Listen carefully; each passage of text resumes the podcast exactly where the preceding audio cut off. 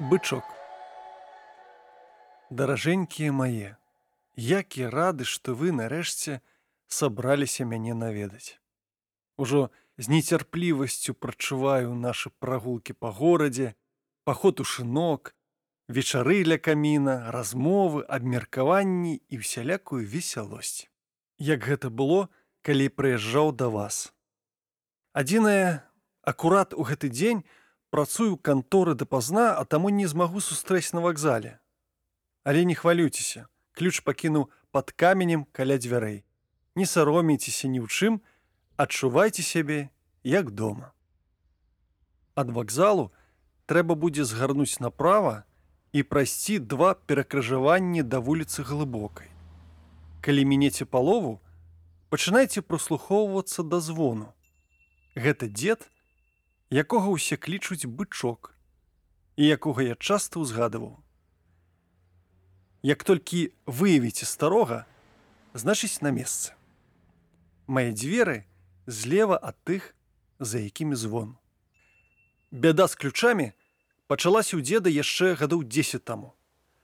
Тады ён часта выходзіў з дому, бывала і па некалькі разоў на дзень. У парк, каб папалохаць качак сваімі спевамі, на кірмаш, за конскім малаком ці смажанымі хвастамі. У цэнтр каб паўзгадваць як некалі працаваў пасланцам у дэпартаменце святкавання гадавін. Да асабліва ён любіў шпацыраваць уздоўж набярэжнай каб паслухаць гудкі якімі крычалі судны. Адзіным што азмрочвала ягоныя прагулкі было супрацьстаянне з уласнымі ключамі. Яны ўвесь час уцякалі дражнілі, хаваліся ад старога, то знікнуць, калі патрэбнае, то ўлягуцца там, дзе ім не месца.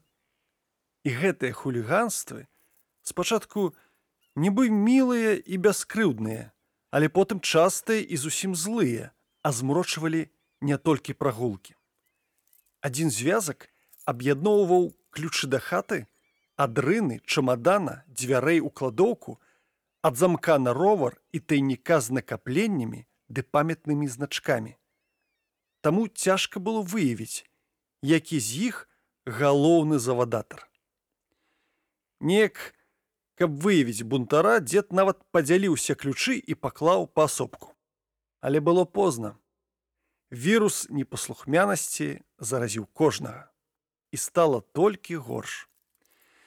Яны, як гарэзлівыя мухі, сталі хаатычна скакаць па ўсёй хаце. Таму калі усіх атрымалася вылавіць, а на гэта спатрэбілася не менш як два тыдні, дзед зноў замацаваў іх назад у адзін звязак. Ключы разгарнулі супраць дзеда сапраўдную вайну у спробе вымытаць таго да смерці. Збярэцца ён на вуліцу, а яны не пускаюць пакуль адшукае свавольнікаў ужо і вечар наступіць. Папросіць сусед пазычыць пілу складоўкі а яны яго дурнем і з кнарам выстаўляюць. Ды такія хітрыя ж. Толькі цяпер тут ляжалі а як вырашыць іх узяць дык ужо і няма на былым месцы. Але дзед чалавек у парты і таксама не здаваўся. Усякія хітрасці выпрабаваў спачатку спрабаваў іх заблытаць. Адзін раз пакладзе ключы на стол, наступны паміж кніг. Потым павесіць на кручок каля вешалкі. Праўда, тады і сам нярэдка блытаўся. Потым намагаўся перакрыць ключам шляхі ўцёкаў. У шуфляду закрые, у кашальку замкне, а ўрэшце рэшт вырашыў заўсёды ў кішэні пінжака з сабой насіць а ключы гэта не стрымлівала. Усё роўна ўцякалі. Тады дзед пасадзіў ключы на прывязь пакідаў звязак але абматваў моцнай моцнай і доўгай доўгай лёскай каб усюды па хаце хадзіць можна было. Не паверыце але гэта дапамагло. Толькі вельмі нязручна было. Ды так нязручна што дзеду пачало падавацца нібы гэта ён уключоў на прывязі, а не яны ў яго. Адзінае, што яшчэ заставалася, павесіць звязак ключоў на шыю, каб заўсёды знаходзіліся на відавоку. Падобны крок абяцаў поўную і канчатковую перамогу ў вайне. Ды спачатку дзед усё ніяк не адважваўся.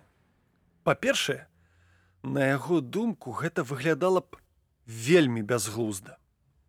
Па-другое, ключы няспынна выдавалі б непрыемны гучны звон. А па-трэцяе, так ён адчуваў бы сябе нейкай худобай, якой на шыю вешаюць званочак. Як гэта з усімі бывае, чым далей, тым хутчэй дзед старэў. Паступова яму канчаткова стала пляваць на меркаванні іншых. Вушы грубелі, ды ён аглух так, што не пачуў бы і царкоўны звон за спіной. Да худобы, у прыватнасці рагатай, ён пачаў адчуваць жаль, і нейкую долю павагі пасля таго, як прачытаў займальную кнігу усе мы дзеці прыроды. Таму ў канчатковым выніку ён нарэшце павесіў на шыю звязку ключоў на грубай шчыльнай вяруцы. З тых часоў хітрыя ключы больш нікуды не знікалі і заўсёды знаходзіліся пры ім. Дзеда суправаджала унікальная музыка ключоў бо кожны ключ адметны. А таму, калі вы не ведалі, кожны звязак выдае свой уласны гук, які залежыць і ад колькасці ключоў і ад памеру і ад іх формы. А ён сам атрымаў мянушку бычок. Асацыяцыі сябе, з якой раней асцерагаўся. Дык вось гэты бычок з'яўляецца маім бліжэйшым суседам і звініць ён досыць гучна толькі моцна не затрымлівайцеся. Муніцыпалітэт все ніяк не павесіць у мяне шыльду з нумарам дома ці хаця б назвай вуліцы. А я сам не спяшаюся марнаваць уласныя сродкі. Дзед кладзецца спаць каля 9. Таму, калі не паспейце да гэтай гадзіны, ужо наўрад ці здолееце адшукаць мой дом самастойна, бо таблічкі адсутнічаюць не толькі ў мяне. бычок мастацкі падкаст па тэксце кірыла стаселькі. Агучваў міхай зуй. Подписывайтеся на падкаст на ўсіх буйных пляцоўках каб не прапусціць новыя выпускі